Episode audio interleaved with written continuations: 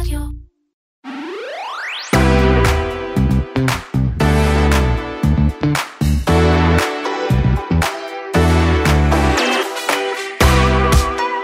המלחמה באוקראינה היא כנראה המלחמה הראשונה, בוודאי המלחמה המערבית הראשונה, שמתנהלת כולה בעידן הרשת הדיגיטלי, ואפשר לזהות שם גישות מאוד שונות בין הגישה של רוסיה לרשת לגישה של אוקראינה לרשת ועוד כל מיני השפעות מסביב, ואנחנו נדבר על זה עם דניס ויצ'בסקי, כתב טכנולוגיה והייטקיסט וגם אה, יליד אוקראינה, שינתח בשבילנו את המצב ברשת וגם קצת על השטח, מה קורה שם. וגם לחרוג ממנהגנו ומתחומי ההייטק והטכנולוגיה בשביל להבין איך המלחמה משפיעה על הספורט, נדבר עם כתב ועורך הספורט של כלכליסט אוריאל דסקל. אתם מאזינים לקוקיס, פודקאסט ההייטק והטכנולוגיה של כלכליסט, אני עומר כביר. אני שירלי זינגר, מתחילים.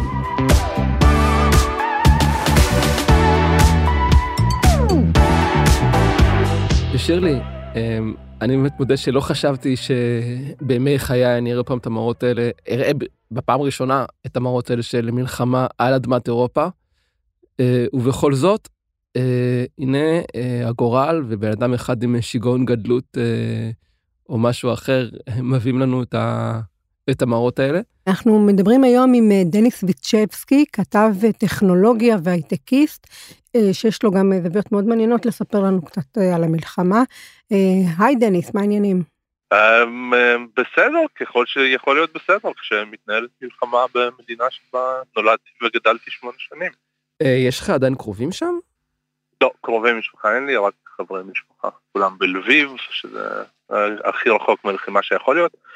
כאילו, גם שם יש אזעקות ואולי איזשהו ניסיון פלישה קטן ותמוה אתמול ושלשום. לפני שנדבר על ההיבטים של הרשת, אני רוצה לשאול אותך, הפרשנים בישראל ובעולם מאוד הופתעו מכך שאוקראינה לא קרסה תוך יום. אני זוכר ביום הראשון אה, בסקיי ניוז איזה פרשן בריטי בהתנשאות בריטית מאוד אופיינית אומר, The Ukrainians for whatever reason seems to be holding on. אה, בתור מי שאולי מכיר את המצב ואת אוקראינה יותר טוב מרוב הפרשנים שאנחנו נחשפים אליהם במיינסטרים, אתה הופתעת או שאתה דווקא אומר היה לי די ברור שזה לא מדינה שתקרוס לתוך עצמה עם, הטנק הראשון. לא מאוד הופתעתי, אוקראינה, הלאומיות האוקראינית שכאילו היא אמנם לא יחסית צעירה בתצורתה הנוכחית, היא, היא מוגדרת, כאילו, נגיד ככה, הלאומיות שלהם והלאומנות שלהם הן מאוד קרובות, כמו במקרה של ישראל, אז כמו שלא היה מפתיע אף אחד אם ישראל לא הייתה קורסת, לא, לא מאוד הפתיע אותי שאוקראינה לא קרסה. זה לא שיש להם, זה לא שהם חשים את עצמם רק חצי אוקראינים ואולי קצת רוסים, אז יאללה בואו ניכנע, אה, להפך, אה, ויש שיאמרו שהלאומיות האוקראינית נבנתה על עשרות אם לא מאות שנים של שליטה רוסית לא מאוד כיפית יש שיאמרו. וכמובן בהערת צד, כמו שכל היסטוריון מתחיל יודע, בכלל לאומיות זה המצאה חדשה יחסית, אז לא איזה משהו שהולך אה, מאות שנים אחורה. אה, כן, דניס, אתה אה, אומר שיש בעצם, כשמסתכלים אה, על המלחמה כפי שהיא נפרסת ברשת, יש בעצם שתי גישות אה, שמאוד מבדילות בין, הגישה, בין הצד הרוסי לצד האוקראיני. כן, אז, אז מה שעולה, כן, בדיוק קראתי ציוץ אה, אתמול או שלשום על זה שבזירה הקינטית, כאילו בקרבות עצמם, זה נראה כאילו רוסיה מתנהלת כמו צבא, הצבא של שנות ה-70, שמנסה להילחם בצבא קטן יותר אבל מודרני יותר של תחילת שנות ה-2000. אז זה די בדיוק מה שקורה גם ברשת, כי הגישה הרוסית לרשת האינטרנט היא לחסום, לחסום כמה שיותר לחסום, אה, לחסום רשתות חברתיות, אה, לחסום כלי תקשורת, אה, אסור כרגע לכלי תקשורת ברוסיה לדווח על המלחמה הזאת כעל מלחמה, אסור להם להשתמש במילה מלחמה, אסור להם להשתמש במילה פלישה, אסור להם להסתמך על אף מקור חוץ ממקורות רוסיים רשמיים. יש אשכרה איסור של גוף הפיקוח הממשלתי על תקשורת ברוסיה, שאסור לעשות דברים כאלה, אפשר להגיע לקנסות, אפשר להגיע לחסימות. לעומת זאת באוקראינה שעתיים אחרי שפלשו אליהם הם פרסמו מים של פוטין בתור היטלר, בתור ילד של היטלר בטוויטר שלהם.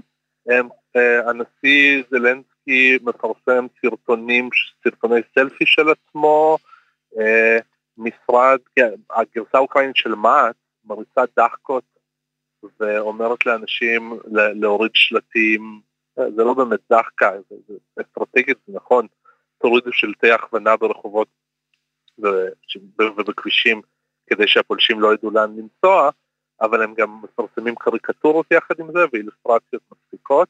אז כאילו, אוקראינה מתנהלת כמדינה שאימצה את הרשת ומדברת עם העולם דרך הרשת, ואילו כל מה שרוסיה מנסה לעשות זה לחסום, לחסום, לחסום. וראינו את זה גם בעוד אה, היבטים, למשל אה, הקריאה של אוקראינה לתרום מטבעות, אה, מטבעות קריפטו. לא רק מטבעות קריפטו, המשרד ההגנה האוקראיני פתח חשבון בנק לתרומות והציע לאנשים לתרום דולרים או מטבע חוץ כאילו ביום הראשון של הלחימה. כן, ודיווח ברויט... וגם דיווח ברויטרס שמשרד ההגנה מבקש מהאקרים מכל העולם להתגייס לקרבות הסייבר. כן, עכשיו מארגנים בטלגרם אה, משימות להאקרים. אה, זה די מדהים. אה, חוץ מהשפעה מורלית, יש לזה גם השפעה בשטח? א', אני חושב שההשפעה המורלית, וסליחה שאני עונה במקום דניס, אבל הוא אומר יענה גם מניח תשובה יותר טובה משלי, השפעה מורלית יש לה גם השפעה בשטח. זאת אומרת, המורל הוא קשור ישירות למה שקורה בשטח. אבל אני רוצה לשמוע את התשובה של דניס. אתמול בצהריים שר ההגנה האוקראיני אמר את הדבר הבא, כתב, כתב ברשתות חברתיות, ואחר כך חידדו את זה בתקשורת. אם עוברת ליד הבית שלכם שיירת טנקים, קצת אחריה כנראה תעבור שיירה עם משאיות דלק. תצרפו את הדלק או תיקחו את הדלק לעצמכם, הטנקים ייתקעו ואנחנו כבר נטפל בהם. זה הוראות מאוד מפורשות שמועברות דרך הרשת של כך להילחם. יש מדריכים להכנת בקבוקי מולוטוב שמפצים דרך האינטרנט ברשתות האוקראיניות. וכאילו זה כן פרקטי, זה לא רק מורלי, אה, מדברים על איפה תנועת כוחות, איך תנועת כוחות. עכשיו, יש המון דיסאינפורמציה משני הצדדים, כמו בכל לחימה, ויש, ויש המון גם טעויות, נגיד. אתמול הייתה טענה בערב שיש צנחנים בשמי קייב ואז משרד ההגנה האוקראיני אומר, לא, זה בעצם אה, סימנים אה, מההגנה האווירית שלנו. אז מי צודק, זה מתברר אחרי שעות. אה, אבל מבחינה מורלית ומבחינה פרקטית, זה בערך 60-70 אחוז מורל, 30 אחוז פרקטי, אבל גם ה-30 אחוז הזה זה מספיק. אגב, לגבי מה שאמרת מעשיות דלק, אה, ותקן אותי אם אני טועה, אה, להבנתי הלחימה בצד האוקראיני מתנהלת לא רק באמצעות היחידות הצבאיות הסדירות, יש גם הרבה מיליציות לא רשמיות של אזרחים, ובעצם להם הייתה מופנית הקריאה הזאת, נכון? זה, זה לא סתם מיליציות, זה, זה, זה אזרחים. יש לא מעט שקרים נשק באוקראינה וחילקו להם עוד, אז לא, זה לא רק יחידות הצבא הסדירות, אה, ונכון לעכשיו, עיקר הפעילות, פעילות הלחימה מתנהלת בכלל במזרח אוקראינה, שזה קרוב לרוסיה, אה, אם היא תגיע למערב אוקראינה אז אנחנו נראה הרבה יותר מיליציות כנראה, כי המערב הוא, הוא, הוא הרבה יותר לאומני והוא הרבה יותר מאורגן מבחינת, מבחינת המיליציות שלו מהמזרח מאז ומתמיד. אמ, אבל אה, כן, כאילו, זה גם אזרחים וגם, וגם הצבא. אה, אני רוצה לחזור לגישה הרוסית שדיברת עליה. ואני מרגיש שמבחינת אה, גלים של פייק ניוז שאפיינו נגד מערכות בחירות בארצות הברית, הפעם הגלים שיוצאים מרוסיה, לפחות לי מרגישים, אולי אני טועה, פחות מהותיים מפעם קודמת. כאילו, הם לא ממש מצליחים למנף את הרשתות החברתיות להפיץ את הפייק ניוז ה... ואת התעמולה הרגילים שלהם. אתה חושב שזה נכון? הם לא מנסים לעשות את זה החוצה, הם, הם ויתרו, הם, הם לדעתי הם מבינים שהחוצה הם לא יוכלו לעשות את זה. אה, כששגריר רוסיה באירלנד מתראיין ומתחיל לדבר על רצח העם בדונבאס ועל זה שזה בעצם הכל פעולה אה, קטנה ושנועדה להגן על אזרחים, זה לא, זה לא, הוא לא באמת מנסה לשכנע, הוא יודע שהוא לא יכול. הם כן נלחמים על דעת הקהל ברוסיה וגם שם לא ברור עד כמה הם מצליחים כי, כי, כי הם הרי לא הודו באף אבדה, כן? רוסיה נכון לעכשיו אומרת שיש אפס אבדות. אגב, בגלל זה נגיד הם גם חסמו את אה, פייסבוק במדינה, הרוסים? הם לא, הם, הם לא בדיוק חסמו, אפשר לגשת לפייסבוק, תמונות לא ניתנות ברשתות אה, סלולר. אה, זה בגלל איזשהו קושי טכני או שהם עשו את זה במכוון? לא, לא, לא במכוון, הם מתים גישה לפייסבוק ולטוויטר במדינה. וכן, מבחינתם כל מי שאומר שנהרגו חיילים רוסים או שנשבו חיילים רוסים, הוא מפיץ מידע שלא אושר על ידי משרד הביטחון הרוסי. וזה לא חוקי, יש, יש תקנות.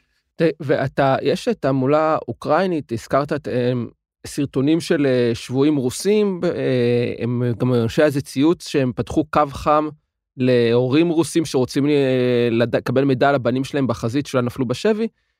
הדברים האלה יש להם אימפקט בכלל? הם מגיעים לאזרחים רוסים? כן, כן, כן, כן, כן, נראה שכן. נראה, שזה, נראה שיש לזה אימפקט. הם גם, זה, הם לא מסתפקים בקו החם, יש גם סרטו, סרטונים של שבויים שנותנים להם להתקשר להורים שלהם ולהגיד שהם נפלו בשבי, יש, הרבה, יש הרבה תעמולה מהסוג הזה, שאגב חלקה בוודאות היא תעמולה מכוונת וחלקה היא לגמרי אורגנית, כי בסופו של דבר, אני חושב שנדב אייל כתב אתמול שהם עדיין לא פיתחו את עצם השנאה אחד לשני, כן, כאילו בכל זאת אה, מתנהגים אחד לשני די יפה, חוץ מכשהם הורגים אחד את השני בקרבות. אה, וזה נכון, כאילו אוקראינים, יש איזושהי שנאה כלפי רוסיה, אבל לאו דווקא כלפי רוסים, אה, כי הם, זה בכל זאת שתי אומות די קרובות, ובזמן ברית המועצות היו הרבה מאוד רוסים אתניים שהיגרו לאוקראינה, אה, כאילו זה חצי מלחמת אחים מה שעולה עכשיו. אז, אז כשאוקראינים נותנים לרוסים להתקשר הביתה, זה יכול להיות סתם כי הם נחמדים אליהם, כי הם כן יכולים להיות נחמדים. אה, מצד שני, אה, עם הזמן זה כנראה יעבור. אני רוצה לחזור רגע לסוגיה של פייסבוק אה, משני כיוונים. גם לשאול מה בעצם הם מרוויחים, אה, הרוסים לצורך העניין, מהאטה של הרשתות החברתיות, פייסבוק, טוויטר, מה הם מרוויחים מזה, אבל גם רציתי לשאול, ועומר אולי גם לך יהיה משהו להגיד על הדבר הזה, בכל הנוגע ל... לאחריות של פייסבוק כלפי חומרים ופוסטים שמתפרסמים ברשת שלהם עכשיו. הם מגלים איזושהי אחריות, הם מפרסמים איזה שהן הבהרות. אה, אני אתחיל מהשאלה השנייה ואז ניתן גם לדניס לענות כמובן. הם אה, עושים מעט מאוד כרגע פייסבוק. עכשיו המהלך הכי משמעותי שהם עשו זה לחסום אה, את האפשרות של גופי מדיה בשליטת הממשלה הרוסית לפרסם בתשלום וגם לתייג את הפוסטים שלהם. מעבר לכך הם עושים אני מניח מה שאתם עושים מערך בדיקת העובדות שלהם אבל הם לא אני חושב שהם יכולים לעשות יותר. ואתה יודע זה לא מיאנמר או אתיופיה שלאף אחד לא אכפת מה קורה שם אני חושב שגם העניין העולמי במה שקורה באוקראינה יאלץ אותם בשבוע הקרוב אם באמת הלחימה תימשך לנקול בצדדים אה, יותר אגרסיביים. אני לא יודע אני לא יודע כמה פייסבוק היא פקטור אה, כי בין השאר כי, כי גם ברוסיה גם באוקראינה היא לא בדיוק הרשת החברתית היחידה ש, שהחשובה, אה, יש להם אה, את VK שכן נמצא בשליטה, בשליטת הרוסים ופחות מפרסם, כאילו הרבה יותר פרו-רוסי מבחינת המדיניות שלו, אבל יש להם גם טלגרם, רוסיה ואוקראינה מאוד חזקות בטלגרם, דברים מופצים שם, בטלגרם אי אפשר לעצור כרגע. אז האם פייסבוק יכולה לעשות יותר? פייסבוק תמיד יכולה לעשות יותר, כי, כי המגבלות מודרציה של פייסבוק הם, הם נובעים מהיכולת, כאילו מהרצון שלה לעשות את המינימום האפשרי בעיניי, אבל uh, האם פה אפשר להצביע כמו בהעברת הודעות שרשרת uh, בהודו או בענייני מיאנמר, עושה או לא עושה אקטיבית וגורם לאלימות. אה, לא, לא, דווקא פה, פה אני לא רואה אותם אה, משחקים תפקיד עד כדי כך חשוב. אז ממה השלטונות הרוסים מפחדים כשהם אה, מאטים את טוויטר ופייסבוק? זה נקמה, זה, זה, הכל, זה הכל משחקים שלהם, כאילו... לעשות סנקציה מול, סנקציה מול הסנקציות? כן, כן, כמו שהם לא נותנים לחברות תעופה של מדינות שחסמו את השטח האווירי שלהם לטוס מעל רוסיה. בו הוא הפסד גדול. אה, מצד שני, עכשיו, לצאת מרוסיה במטוס מערבה, דורש או לרדת למטה לטורקיה, או לעלות למעלה דרך הים. אז כאילו, זה, זה, זה סנקציה תמורת סנקציה, והם גם יטילו אותם עכשיו על, על גוגל, שלא מאפשרים לערוצי תעמולה, תעמולה רוסים לעשות מוניטיזציה ביוטיוב. הם יטילו אותם על כל מי שירצה, והם ישתמשו בזה לקהל הפנימי כדי להראות הנה אנחנו חוזקים. וגם אנחנו יכולים להטיל סנקציות. מצד שני, מי שיסבול יותר מניתוק אה, הבנקים הרוסים מסוויפט, אה, מערכת הסליקה סוויפט, זה, זה רוסיה, זה לא אחרים. אז לרוסים יש פה יחסית מעט מה לעשות, אבל יחסית הרבה רצון לדבר על זה שהם עושים, כי בסופו של דבר הם צריכים להראות לקהל שכן מאמין להם, שהנה הם לא יושבים בחיבוק ידיים. אה, אפרופו סנקציות, אה, היה איזשהו, היו איזה שהם הדים למהלך של פורנהאב?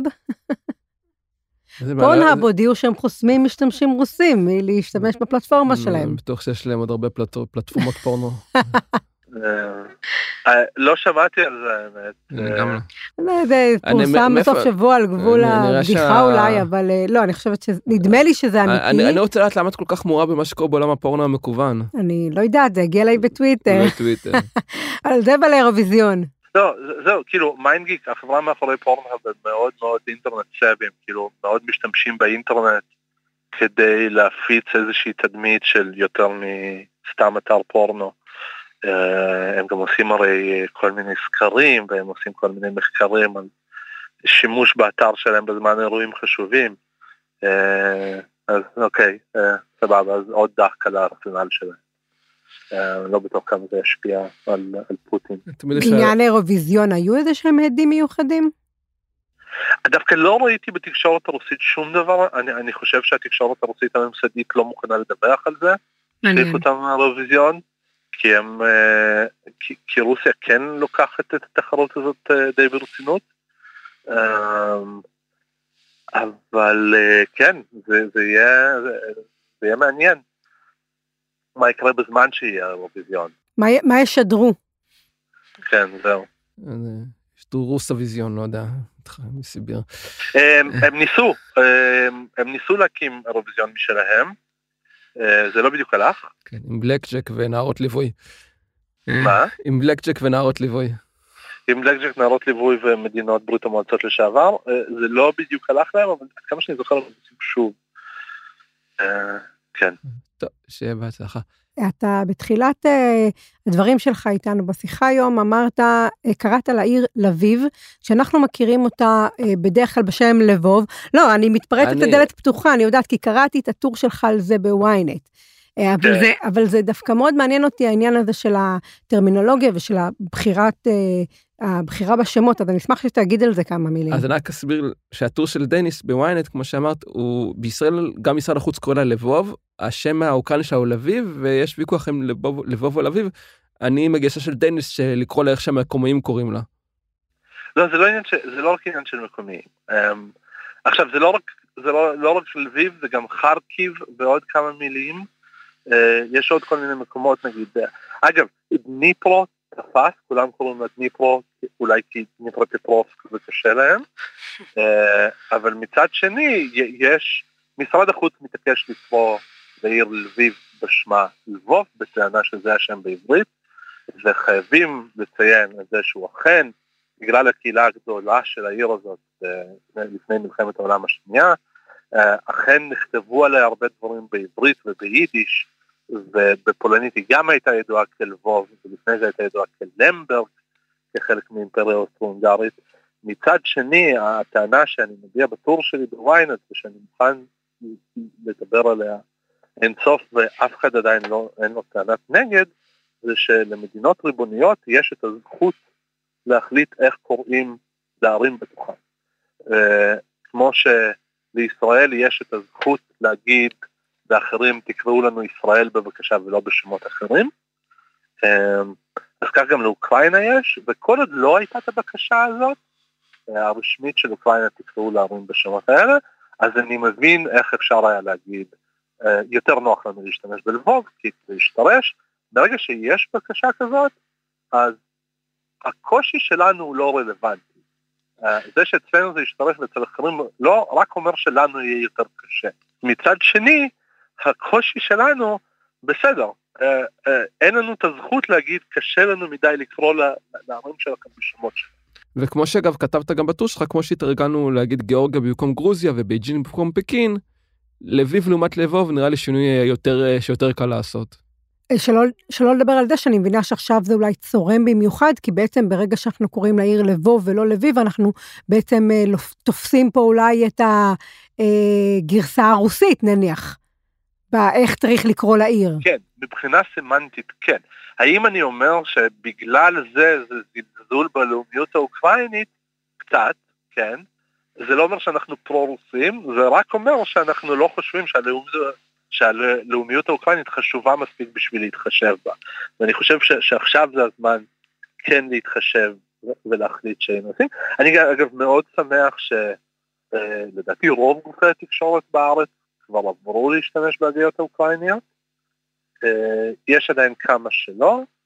אה, בתאגיד השידור זה נגיד מאוד לא אחיד, לפעמים עושים ככה לפעמים ככה, אה, אבל אני מקווה שעם הזמן כולם ילמדו לכבד את אוקראינה בקטע הזה. דניס, תודה רבה שהיית איתנו, אנחנו מאוד מעריכים את הזמן ואת התובנות שלך. אני מקווה רבה. שהחברים והמכרים שלך בלביב אה, יהיו, ב, יהיו בסדר וימשיכו להיות בסדר, ותמסור להם דש אה, מאיתנו בישראל, בבקשה. סבבה, תודה רבה. תודה, להתראות.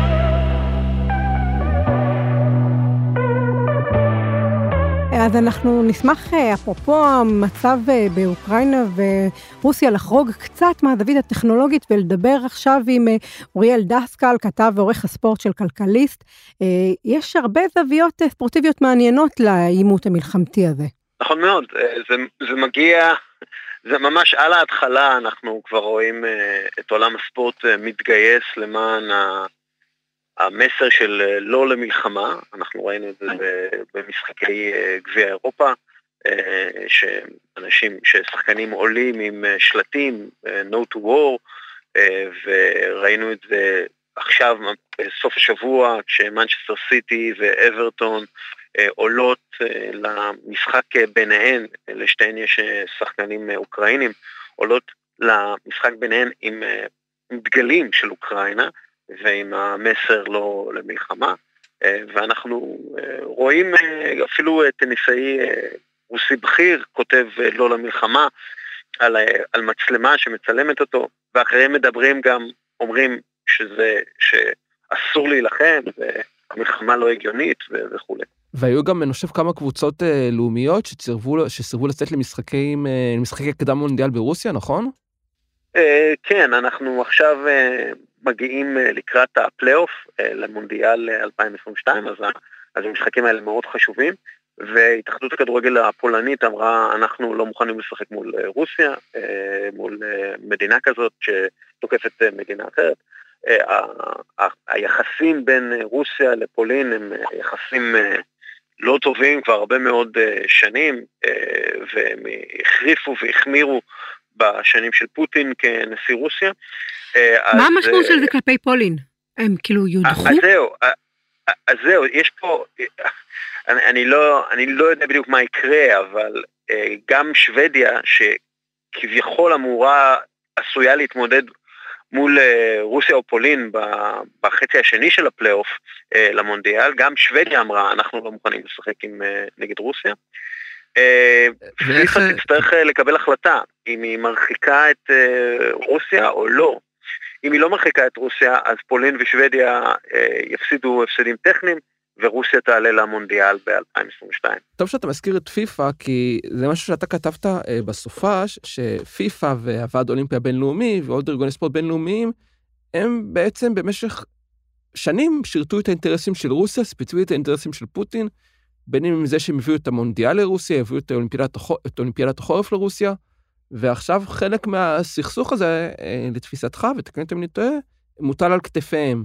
בהחלט, כי אנחנו רואים אה, גופים בינלאומיים אה, שיושבים במערב, אה, שהערכים שהם אמורים לייצג הם ערכים אה, בינלאומיים כמו כבוד האדם וזכויות אדם וזכויות אזרח וכו' וכו' וכו'.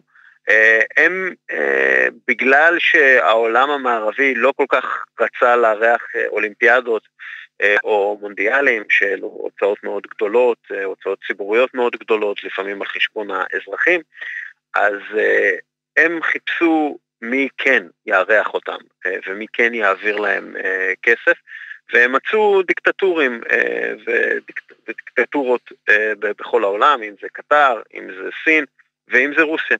את uh, רוסיה הם, הם ממש כאילו, רוסיה חוץ מלעלות עם, uh, עם uh, חולצת uh, אנחנו מרמים, uh, הם עשו הכל כדי uh, לרמות ולנצח uh, בניגוד לחוק, אם זה לסמם את השחקנים, אם זה לסמם את הספורטאים, uh, אם, אם זה לעשות uh, כאילו זה, זה די ברור שרוסיה למשל אה, שחדה כדי לזכות באירוח המונדיאל. אה, למה זה ברור? בגלל שכל ההליך של המכרז הזה, של, שהעניק לרוסיה ולקטר את המונדיאלים ב-2018 ו-2022, כל ההליך הזה אה, נעשה על ידי אנשים שכולם הורשעו בשחיתות.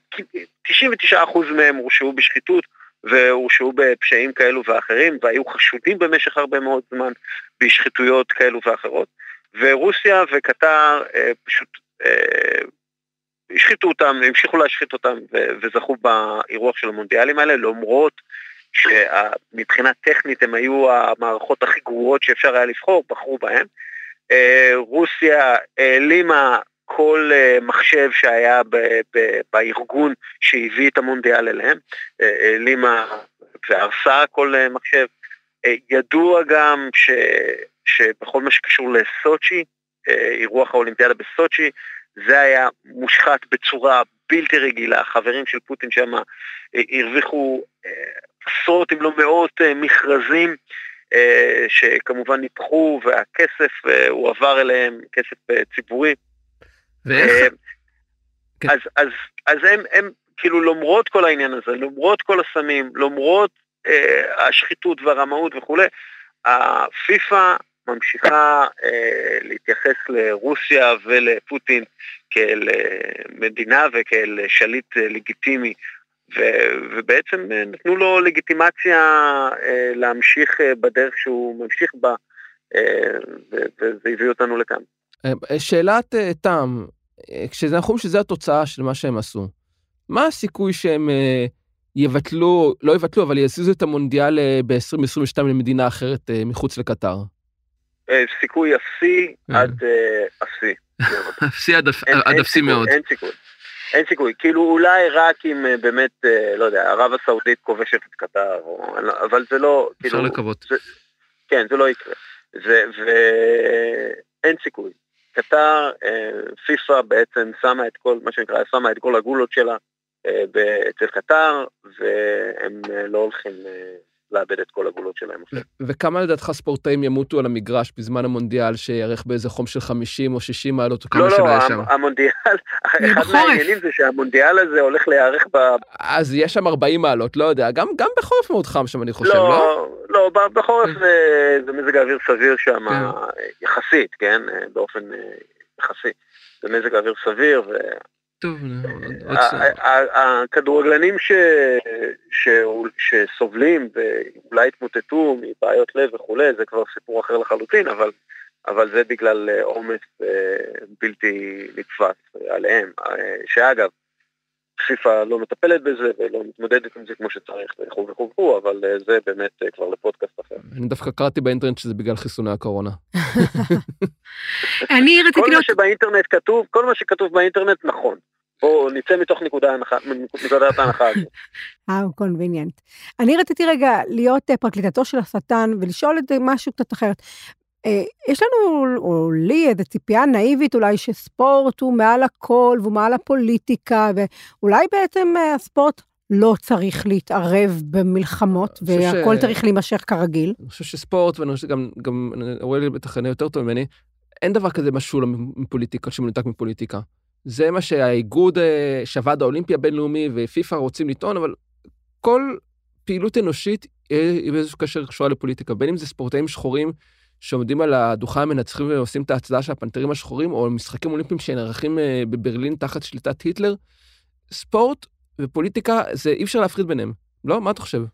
קודם כל, פוטין משתמש בספורט ומנצל את הספורט בשביל הפוליטיקה. אה, אה, סין משתמשת בספורט ומנצלת את הספורט בשביל פוליטיקה. אמריקה, ארה"ב, השתמשה במשחקי פינג פונג כדי להתקרב לסין בשנות ה-70, ה-60 וה-70.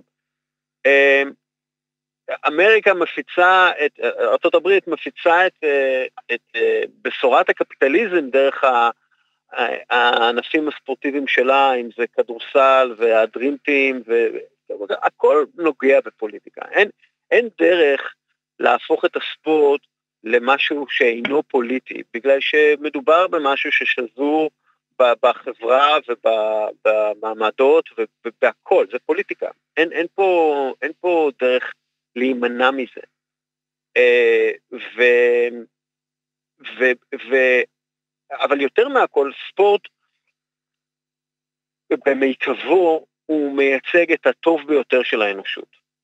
אוקיי? הוא, הוא מייצג את ההתמודדות האנושית מול אה, קשיים שהם הטבע, שהם אה, גוף האדם, אה, ומול קשיים אנושיים. אתה מתמודד מול אנשים שהכי טובים בתחומם, ואתה צריך לנצח אותם. וזה נעשה על במה שמיליונים צופים בה. אז, אז אין פה, אין פה אה, יכולת להפריד בין הספורט למה שקורה בחברה, למה שקורה ב, ב, בהיסטוריה, למה שקורה בדמוגרפיה, למה שקורה בגיאוגרפיה, למה שקורה בפוליטיקה. זה, זה הכל.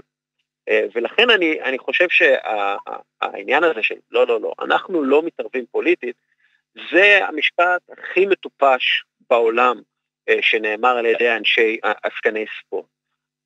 ברגע שאתם קיבלתם החלטה לתת את המונדיאל לרוסיה, קיבלתם החלטה שהיא פוליטית. אין פה, זה לא, בטח דרך אגב, אם אתם קיבלתם החלטה אה, להעביר אה, את המונדיאל לרוסיה, למרות הציונים הטכניים הגרועים שהיא קיבלה. ההחלטה היא פוליטית, הדיבור הוא פוליטי, הספורט הוא פוליטי, אז אתם לא יכולים להגיד שזה מופרד מפוליטיקה, ולא, לא, לא. עכשיו, כשרוסיה תוקפת את אוקראינה, אנחנו רוצים שכולם יחזרו להבין שספורט הוא רק ספורט. תודה. אוקיי, יופי, תודה רבה. תודה רבה לכם. יאללה. ביי. ביי.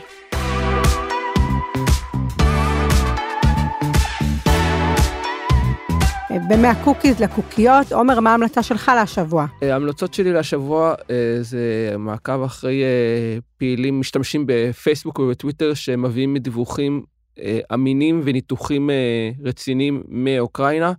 האחד זה שלום בוגוסלובסקי, הוא מורה טיולים במקצועו, אבל הוא מכיר מאוד טוב את אוקראינה, הוא מוציא לשם לא מעט טיולים, הוציא לשם לפני הכל לא מעט טיולים, מכיר את ההיסטוריה של המדינה. מאוד מחובר למה שקורה שם, הוא מעדכן גם בפייסבוק וגם בטוויטר, אה, בעיקר בטוויטר, על מה שקורה, על התפתחויות משמעותיות ומבין ניתוחים מעניינים. והמשתמש השני שאני רוצה להמליץ עליו זה דוד ברון.